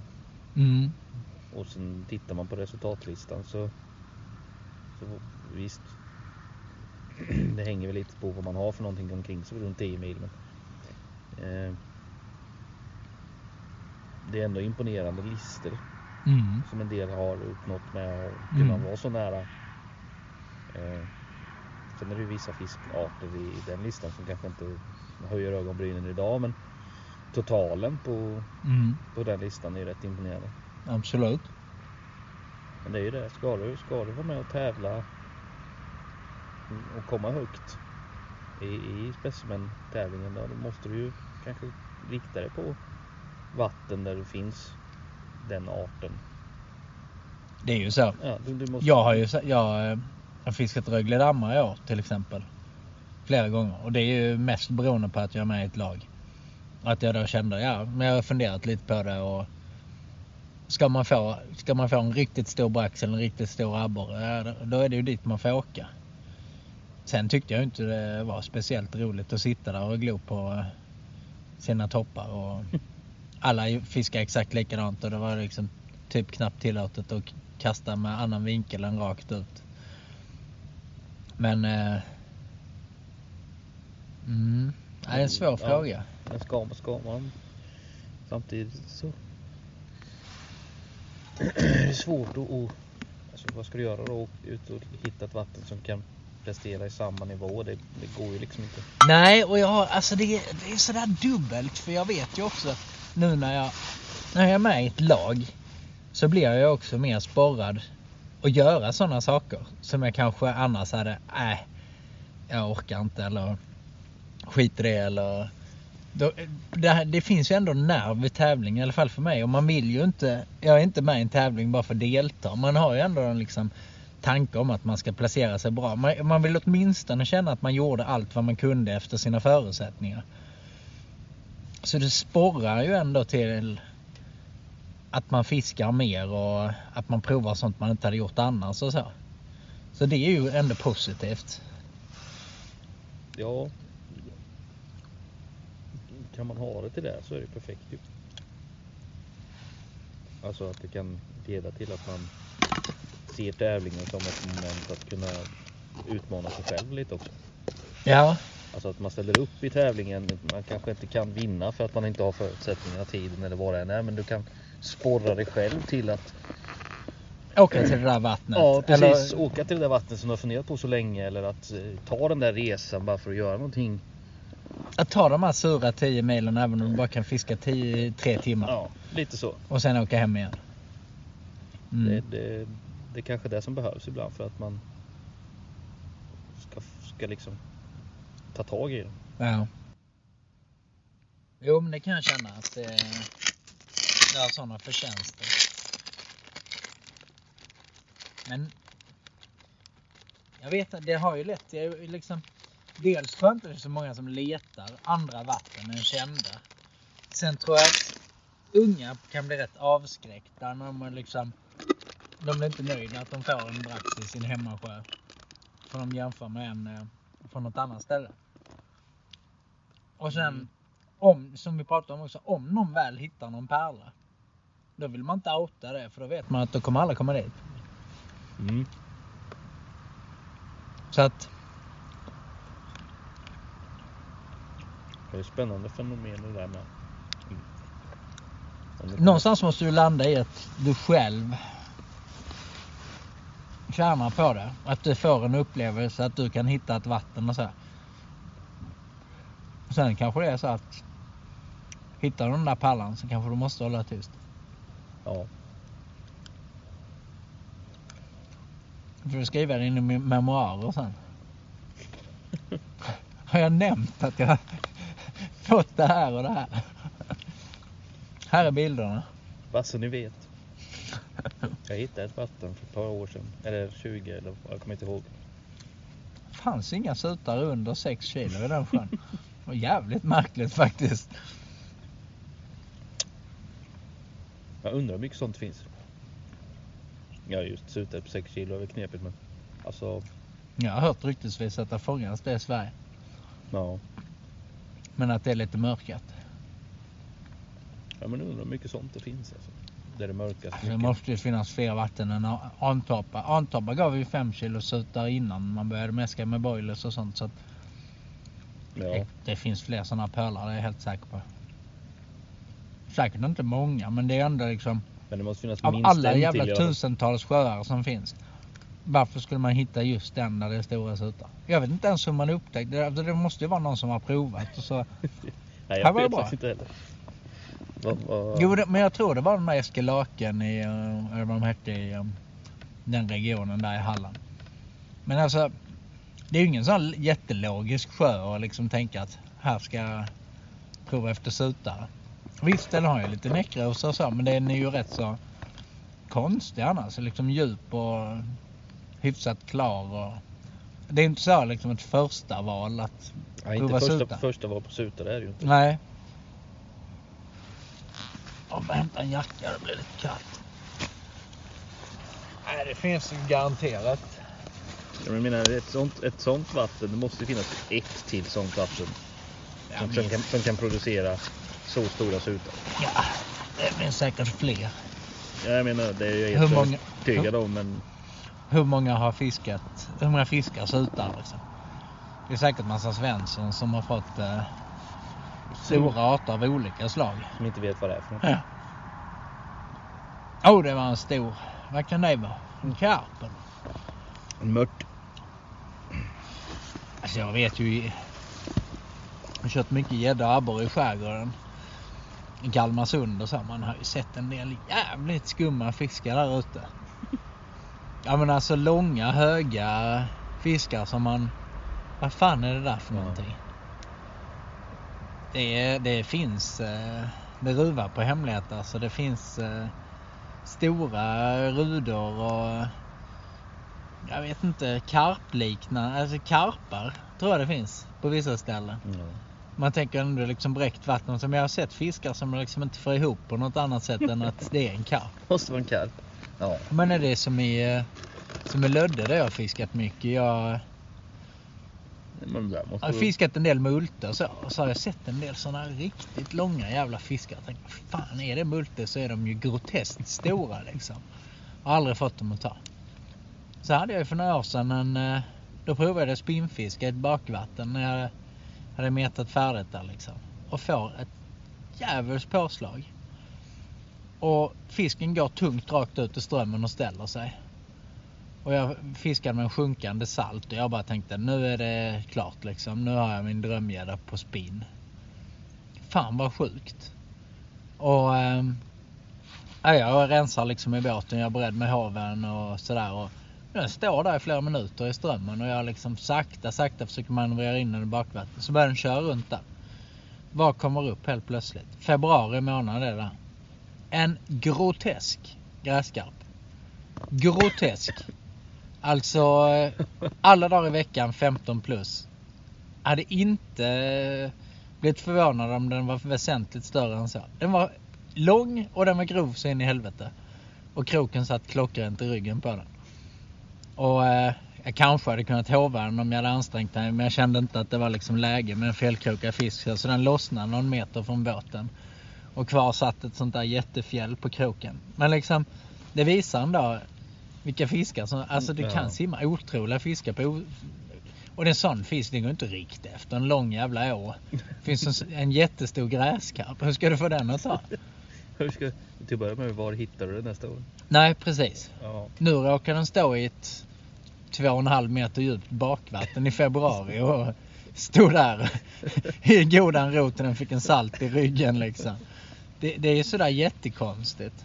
Ja, ja den, den, det är ju inte riktigt det man förväntar sig där inte. Nej, det var det verkligen inte. Men liksom det är ändå dyra fiskar att köpa in. Ja, ja visst. Den är ju en rymling eller någon har flyttat den dit eller liksom hur fan har den hamnat där? Ja. Ja, det, ja, karp har man ju hört mycket i olika skånska Mm. åar och sådär men gräskarp vet jag inte.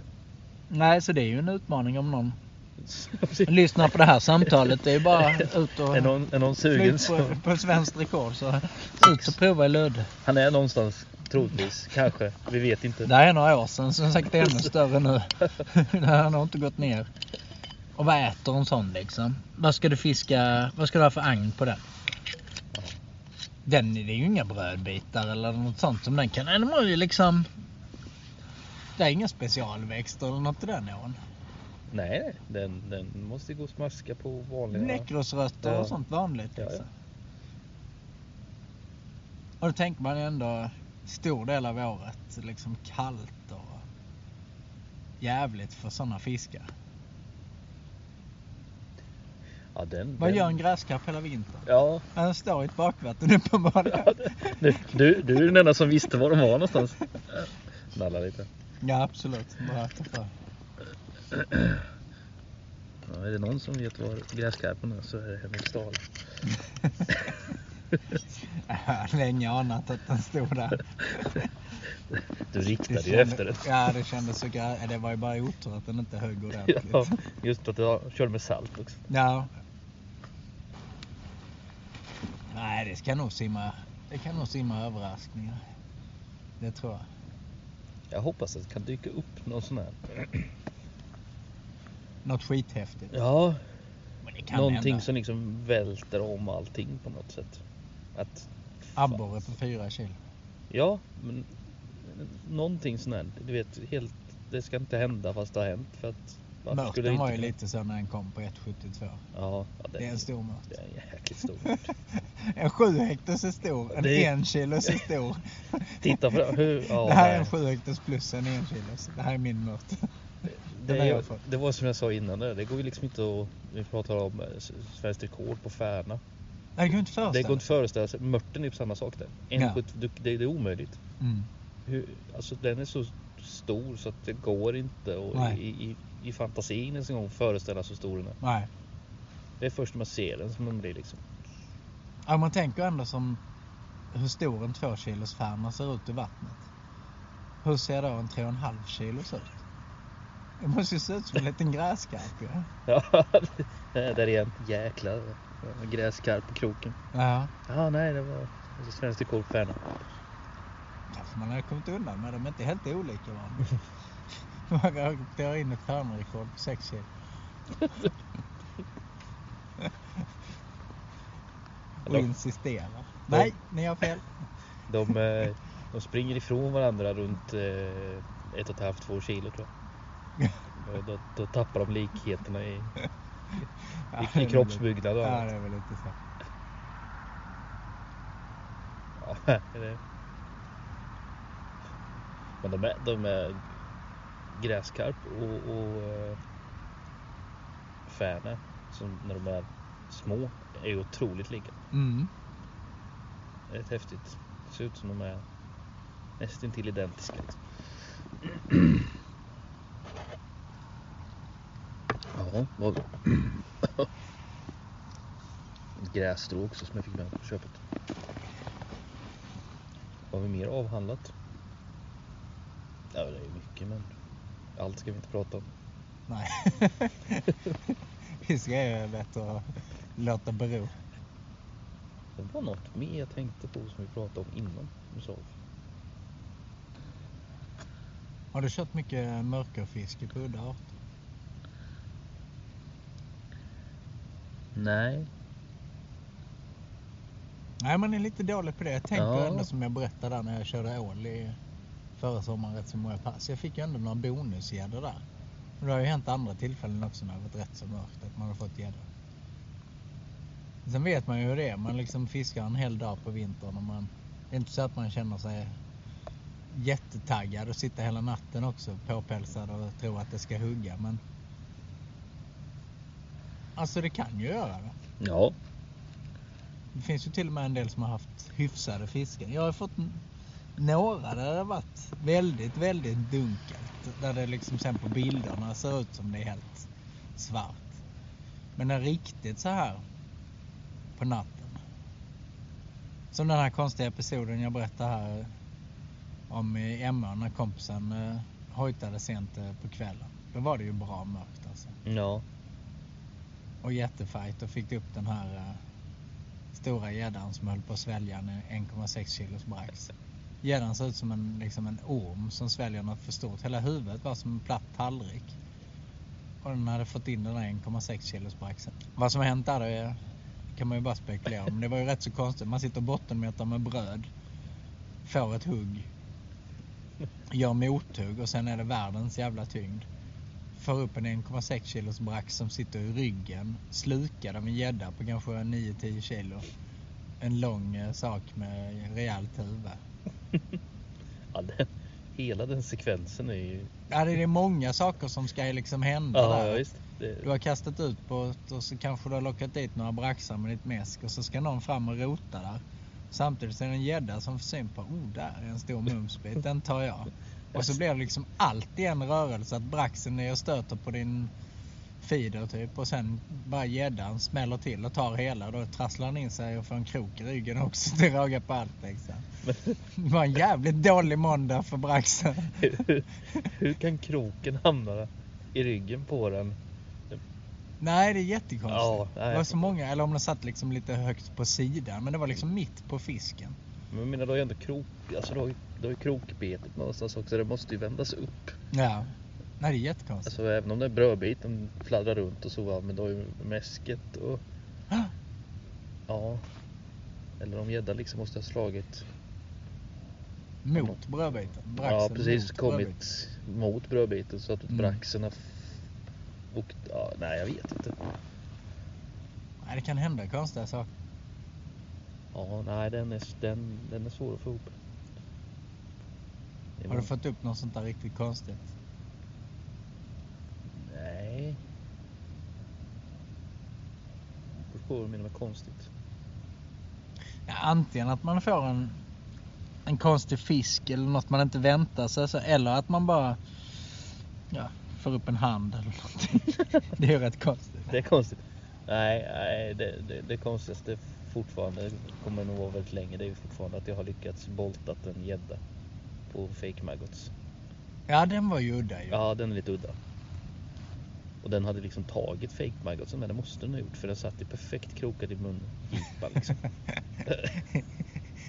Det kanske finns 24 kilos gäddor som är nischade på maggot. Det är därför ingen får dem. Nej. Och så biter de alltid av tafsen om de hugger på i Rögle damm. ja, nej, den är... Ja, det är den... Jag har en polare som drar upp båtankar. Det är ju inte på spö, men han drar upp sitt ankare och fick upp en Magnum-revolver. Som Palmeutredarna sen ville provskjuta. Den är rätt cool också. Ja, den är lite udda där. Helt klart. Han tänkte att nu kommer jag kunna fiska. Är det Palmevapen för? Det är ju en stående belöning där. På 50 miljoner om man löser Palmemordet. Ja. Han tänkte att nu, snälla, snälla, låt det vara. Låt den vara. Låt den ligga här i Kävlinge och en Palmerevolver. Nej, det var den. Det var det inte. Nej. Fan också. Han, eh, han vart han vart utan möjligheten att fiska resten av sitt liv. Ja.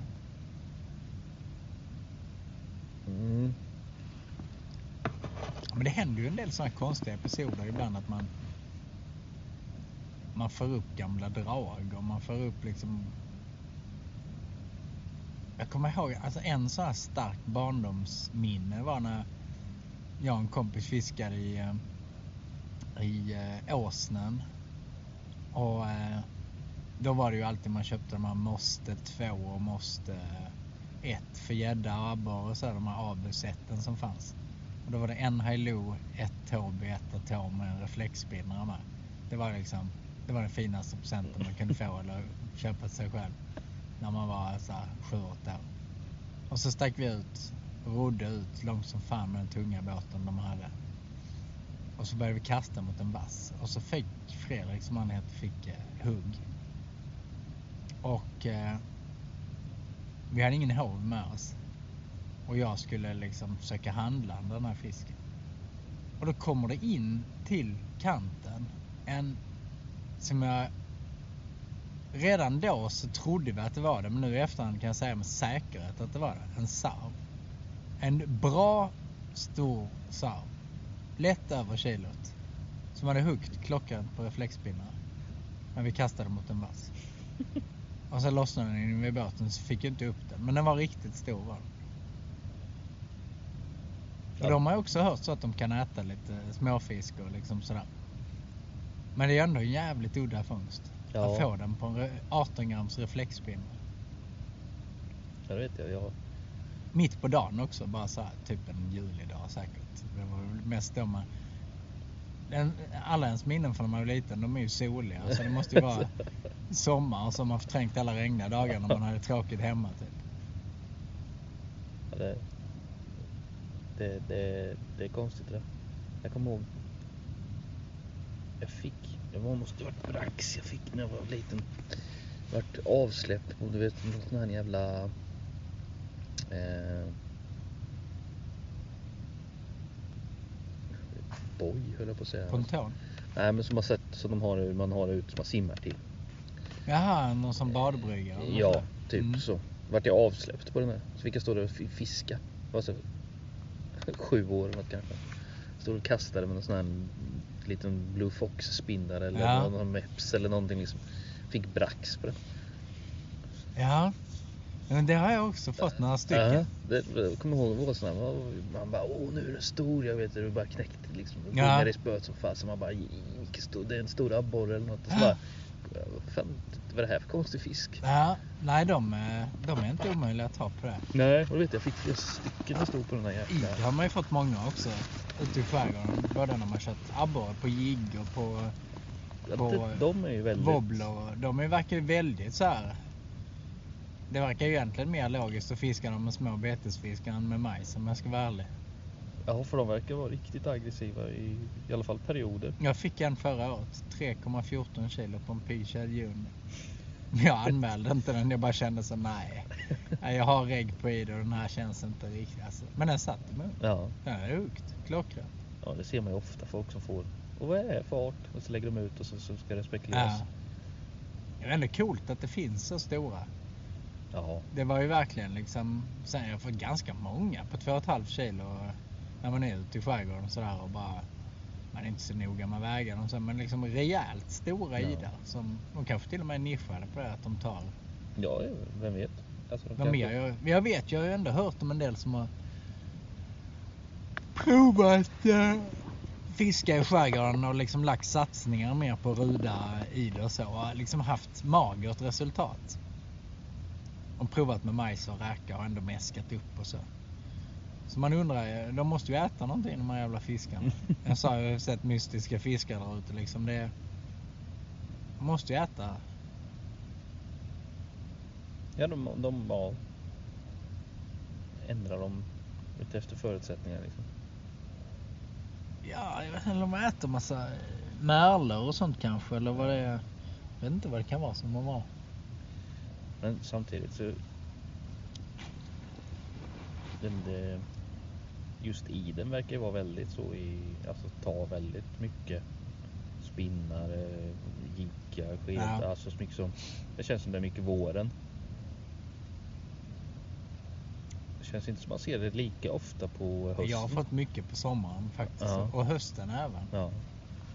Jag tänker bara om man kollar lite, jag tänkte lite snabbt i sådana här Facebookgrupper med, med gädda, abborre, fiskare som lägger upp Ja. bilder på vad det här är Jo, för någonting. men det kan jag nog. Alltså, min känsla är nog att på våren är det jävligt mycket lättare att felkroka. Både brax och id och sånt. Mm. Och då är det kanske naturligare att du får dem att hugga någon enstaka.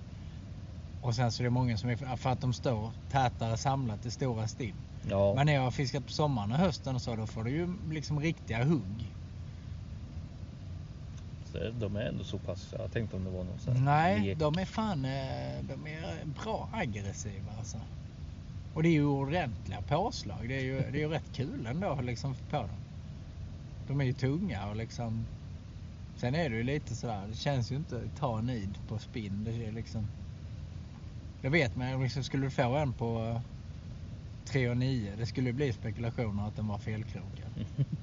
Så var det ju med det gamla ID-rekordet. Att den skulle Ja. varit felkrokad. Men det behöver den inte alls ha varit. Nej. Men det blir ju det.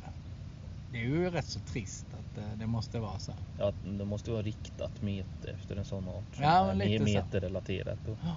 men det kanske är de riktigt stora du får om du kör riktat efter, efter dem med spinnfisk. Ja, men vet. Mm. Det var ju den i eh, Purge fighten. Ja, precis. De fick det var, ju- det var en sån klassisk Ja. grej. Vad får när man är där ute i skärgården? Vi har fått många. Nej, mindre också. Jag har fått såna 5 hektars liksom. Och attackerar någon sån här 9 centimeters jigg. Så de nog, äter nog rätt mycket fisk. Ja, alltså. måste de göra då ju. Fänan har man ju hört. Det är inte många andra. Nej. Karp, ja, ja aspen såklart. Nej, men, för jag vet när vi eh, bara fiskade karp i Polen. Då var det ju någon som fick karp som spydde upp massa abborrgli i hoven. Mhm. Sådana liksom 2-3 centimeters Mm. abborryngel. Och det var eh, inte ett utan kanske 50 eller 100. Fy satan. Hela hoven var full med sådana. Ja. Ja, men de, de är väl opportunister eller så med dem.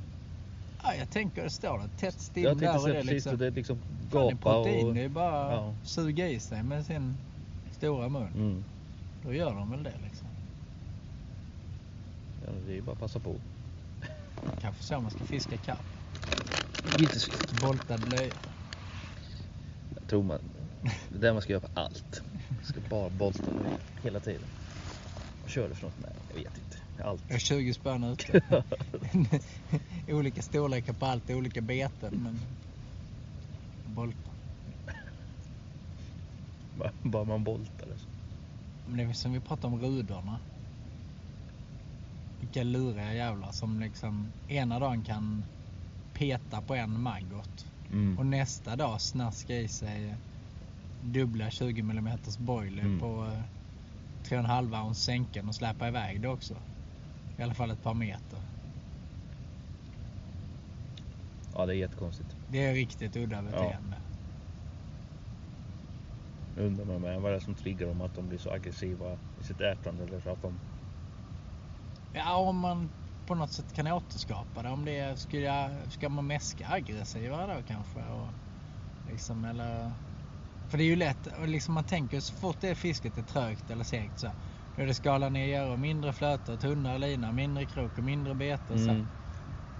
Du berättade om Tomba, det var ju skitintressant. Det var ju Mm. jävligt coolt ju att han liksom hade brutit och bara, Mm. vad fan. Då gör jag något helt annat. Ja. ja, men det är kanske det som är grejen att... Ja, tar de då dubbla boilies Mm. då, då kanske man inte... Då, då kanske inte är finliret som, som behövs hela tiden. Nej. Jag Det, det, kan, det kanske inte handlar om att skala ner, det kanske handlar om att skala upp. Mm. Jag behöver ju inte gå upp i lindimension till maximalt med betes... Alltså betesval. Mm. Ta någonting större. Eller så får man ju som jag när man är i sjön och fiskar så får man ju Var det första gången du var där? Ja. Ja. Nej, jag har aldrig varit. Då får man aldrig någonting säger de. Ja det fick vi inte. Ja 30 abborrar minst. Jäklar vad abborrar jag drog. Alltså det är så, det är många som blankar första gången de är. Ja. En sån du blir klassisk. inte peppad på att åka dit. men då kan du ju motbevisa det. Ja det finns ju det är väl många som har varit där första gången som har fått fisk. Men det är ju rätt vanligt att man åker dit och bommar. Ja, det kan jag tänka mig i och för sig när jag tänker på hur rudorna är. Det behövs säkert. Det handlar nog lite om hur kanske lite mer hur förberedd man är och hur, även hur målinriktad man är. vårat besök var ju inte bara för att fiska. Det var ju lite Nej, sen kan du göra det precis. Du kan ju otur väder och så. Det är ju långt att åka dit alltså. Ja, jo sen så vi hade ju andra planer än att bara fiska med också. Det skulle ju leda till någonting Ja. som aldrig blev någonting av sen. Är det någon som kör eh, mer nedskalat kappfiske och sånt där och kör med boilers eller något botten? Eller kör alla bara flötmäte? Jag tror alla kör flötmeter. Det finns ju knappt någon botten.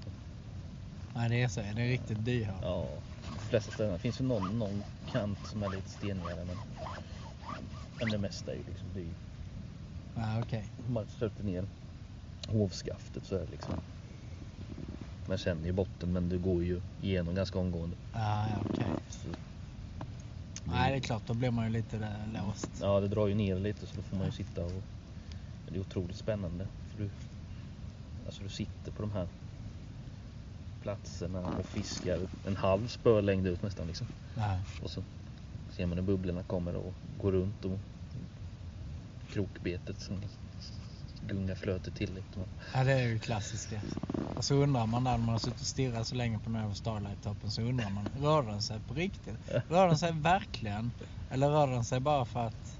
För att min hjärna sa det. Ja, precis. Ja, ja den, den har man ju... Och så har man ändå hört om folk som har gjort mothugg när flötet har rest sig en millimeter bara. Hur fan kunde ni se det? Tänker jag bara. Vad har ni för flöten liksom? Ja men det är ju som man, som man metar mört ibland. Det är också sån här rörelseflötet. Vänta. Nej. Eller? Och så ser man hur det gungar till lite igen. Så bara, ah! Ja, och samtidigt som jag liksom sa, vi pratade om det här mörtfisk vi hade i december och fick hur bra som helst. mm. Det var bara att lägga ut ett majskorn och en maggot och det högg direkt. Det är lyx. Och så några nävar majs eh, och lite mäsk då och då. Och hålla igång dem. Det är schysst. Klockrena hugg hela tiden. Ja, nej, det, är lite petigt ibland på vissa grejer. Ibland går det hur lätt som helst. Där missade jag en fisk också som är gram över när jag metade betesfisk samma år en höst. Jag var också där spontant, ingen hov, ingenting. Så fick jag på en, eh, för att vara där, jävligt fin brax. Som nog var eh, 4,5-5 kilo. Ja. Riktigt jävla eh, stor. Men det var det ju liksom en, en bit ner till ån. Jag hade ingen hov och så. En brax är inte lätt att landa utan hov. inte när de är den sizen heller. Jag försökte liksom till slut tömma IKEA-kassen som jag tror jag hade med grejerna i och liksom klättra ner och försöka fösa in den i IKEA-kassen med en hand. Det var ingen bra hov heller. Han blev lite, lite svår eh, den manövrerad liksom, liksom. Ja, den var inte bra kan vi säga. Så att det blev att jag missade den där till slut. Men det är en sån där, den här hade varit kul att få upp och se hur stor den var. Ja, tank, tanken var ju god. Ja, just det där man... Man har glömt hoven. Det är ju konstigt. Det händer kanske en gång per år. Max. Ja, Nej men man får väl ta sig till Ursjön någon gång. Det är ändå sånt där vatten som man har velat prova på. Det är ju som har någon form av klassiskt metervatten på något sätt. Det finns ju några sådana vatten. Ja. Man vill i alla fall ha känt på det och säga. Sen kanske det inte passar ens personlighet men eh, Ja, just för, bara få, man har varit där. ja precis, få, fått, fått uppleva det på något sätt. Parviken var ju så. Det var ju sådär. Man var på med familjen på Gotland. Det var inte så att. Vi pratade om det att både du och jag att man har fiskat rätt mycket ensam inte, kanske inte haft eh, de här motiverade kompisarna. Att man kunnat dra gäng med ett gäng och att man varit med i en klubb och så.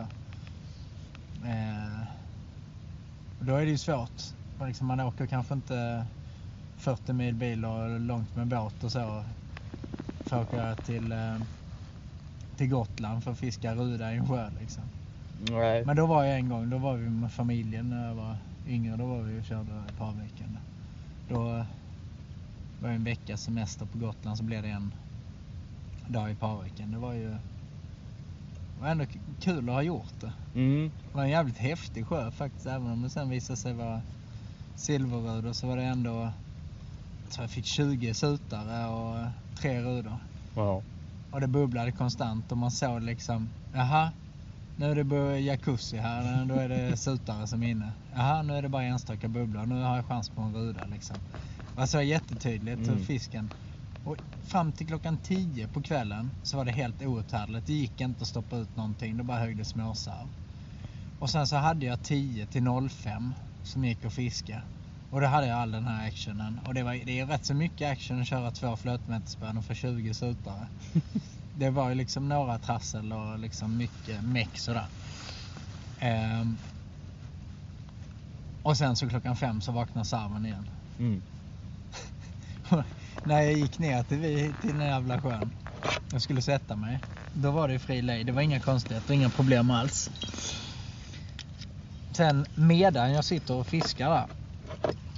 Så hör jag helt plötsligt hur det börjar prassla och, och låta som fan i buskarna. Och det kommer närmare och närmare och närmare.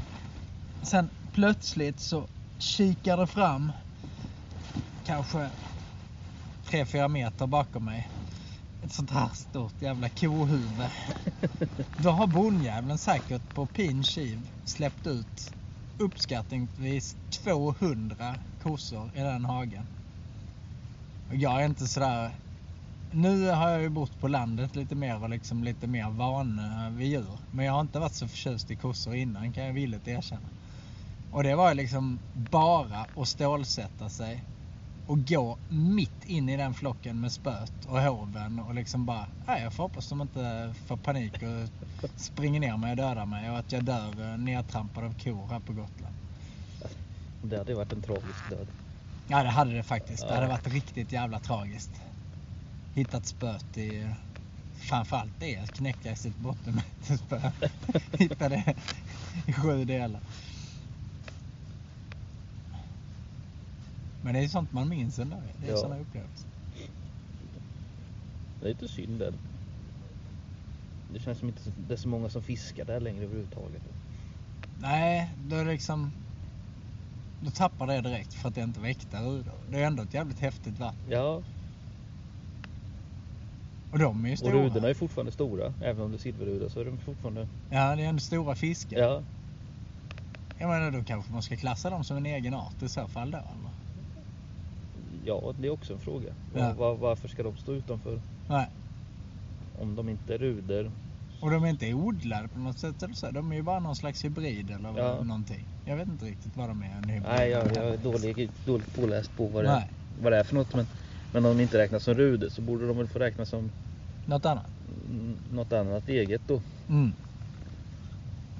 Och då helt plötsligt så finns det inte många vatten kvar. Fast de, de verkar som de har förökat sig va? Nej, de har ju tagit på något annat ställe i skärgården och Mm. sådana också. Jag har för om det. Ja, nej. Men det är också sånt, ett sånt vatten som Ursjön. Det borde det finnas minst ett till i Sverige. Som kan hålla rudor på, på, på en bra klass liksom. Ja. Eh, sen är frågan om man kan komma upp i, i den vikten. Utan man får ändå se det som att Ursjön är ju ett, ett av de här supervattnen, vad man ska kalla dem för. Dit många åker och fyller på med mat som inte Ja. finns annars. Det borde rimligen ha effekt. På något sätt så känns det ju som att det Mm. borde i alla fall öka vikten lite grann på Mm. fiskarna. Att de kommer Oh ja. lite högre än vad de gör på ett vatten som inte är, Ja. har något fisketryck på sig. Liksom. Mm. Men det borde ändå finnas. Men det var Finland nu för ett tag sedan var någon fick upp någon stor ruda på tre, tre kilo eller något sånt här i och det var ju liksom ett, ett vanligt vatten. Ja, alltså man vet ju. Braxar pratade de ju förr att de fick i Ringsjön hur stora som helst, de yrkesfiskarna. Ja. Ja, nej. sagt, det hade varit... Vissa arter ligger väl nog långt ifrån rekordvikt. Det är nog bara så. Ja, Sen andra kanske det är, man ligger väldigt nära eller väldigt svårt att nå dit. Men eh, det är nog en del som inte är maxade. Är det rekord som står sig väldigt lång tid då förstår man att då måste de vara jävligt bra.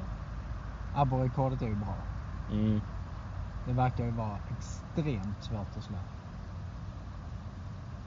ja det måste ju varit en kort period där och när det var som bäst i det vattnet. Ja, det var väl där du kunde slå det då. Ja, Det ryktas ju om att de skulle ha tagit någon... eh, Det finns ju en längduppgift på 67 centimeter. Den bara låter så sinnessjukt orimlig. Som att de måste ha tvinnat måttbandet eller gjort något konstigt liksom. ja, Men eh, där fanns nog stora då. Kanske större till och med. Det flöt väl i land någon död tror jag som vägde mer. ja. Tre och ett halvt eller? Ja, för mig om att det var något sånt. Men Mm. fasen vad stort, tre och ett halvt. Ja.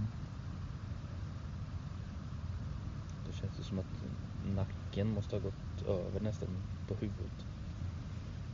ja, det här var spännande att se. Jag tror bara jag har hört om tre 3 kilos.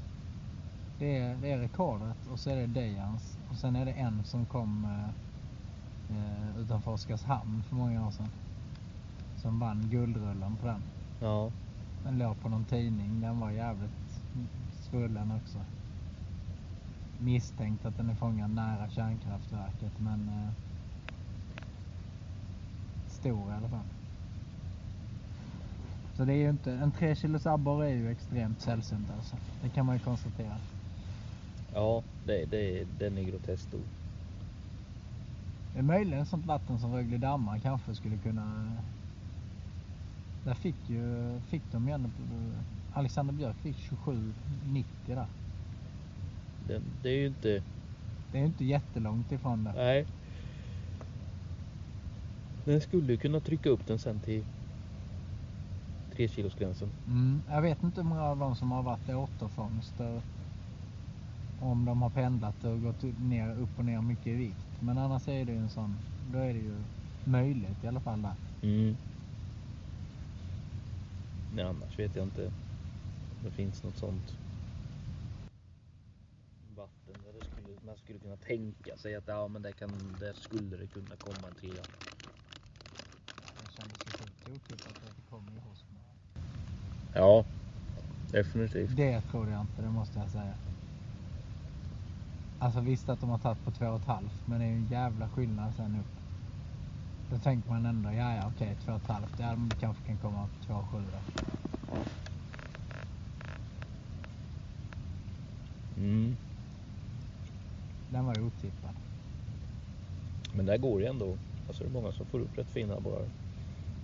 Mm. Ja, det är klart det räcker med att en är lite ostörd och drar iväg lite, blir lite längre och visst. Skärgården vet jag ju att det är en, en del som eh, som bara fiskar gädda till exempel som berättar att de har haft riktigt stora abborrar efter och haft på och inte vägt och så liksom. Det, är- det Mm. kanske är sån miljö. Det kanske går i skärgården på något ställe. Ja. Men, Men de är inte vanliga. nej. Men ja, det är väl skärgården är väl en rimlig plats med kanske. Även om det känns långt borta. Mörkt känns ju som dödfött att försöka slå upp sig. Ja, det är, det är ett rekord som är svårt. Det kommer att stå sig länge. Ja. Vad är det mer som är så här riktigt gammalt? Lake. Lake är inte så ändå. Det kom ju... Det var rätt så länge på sju någonting och sen så kom det en på åtta och ett halvt. För det är ju svårt. Den är tung och stor. Men det var en spinnfiskefångad i Umeälven eller Luleälven. eller Ja, något just sånt där. det. Någon tant som fick. Det var ju rätt sjukt faktiskt. Just det. Lake är ju ändå lite, enligt litteraturen ska de kunna bli stora med. I Ryssland har man ju sett såna jävla ormar de har fått upp. Ål. Ål. Jag vet inte det där med ål. Det kanske finns större ålar nu när... Är det någon sån gammal som lever fortfarande så är den ju stor liksom. Men de blir ju inte fler så de är ju... De är också knepiga ju. Ja. Ja den, den ligger ju lite halvtaskigt till känns det som. Den är svårslagen. Det är ju inte... Nej, uppenbarligen är den det också för att det är ju ändå en del som har kört ål genom åren utan att vara nära. Ja. Men det går nog att slå eh, ålrekordet, det tror jag. Christian Nilsson är från Skåne, han fick ju på eh, 3.64 tror jag. Ja. Rekordet är ju 3.725. Det är ju inte långt ifrån. Nej. Det är den. Ja. Måste vara groteskt stor. Ja. Som en enorm underarm.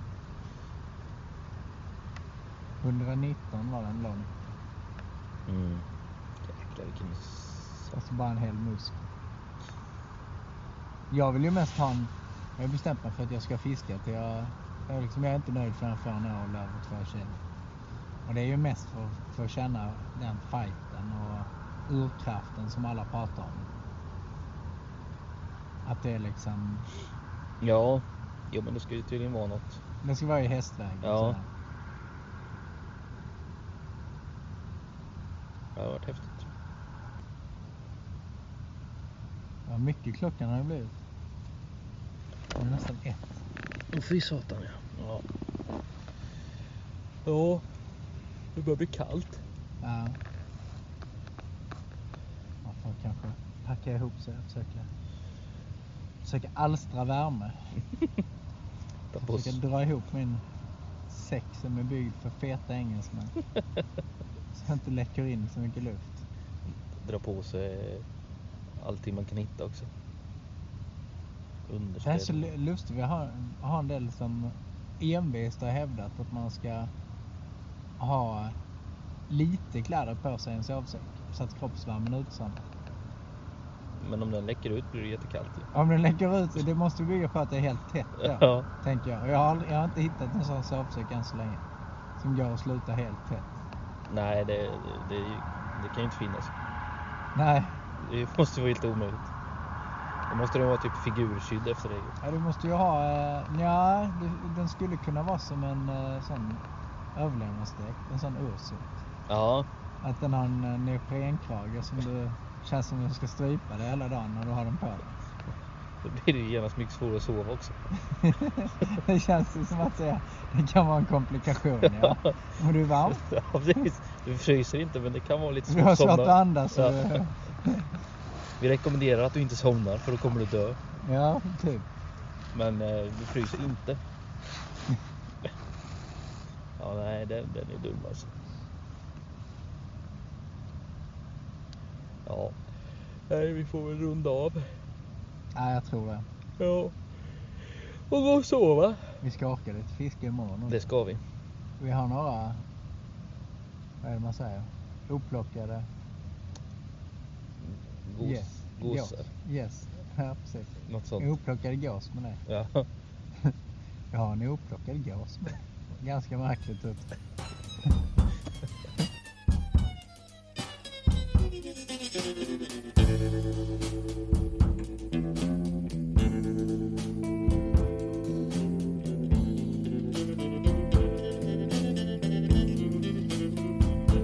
I've had enough of your bullshit to last me a lifetime. So get out of here. I don't want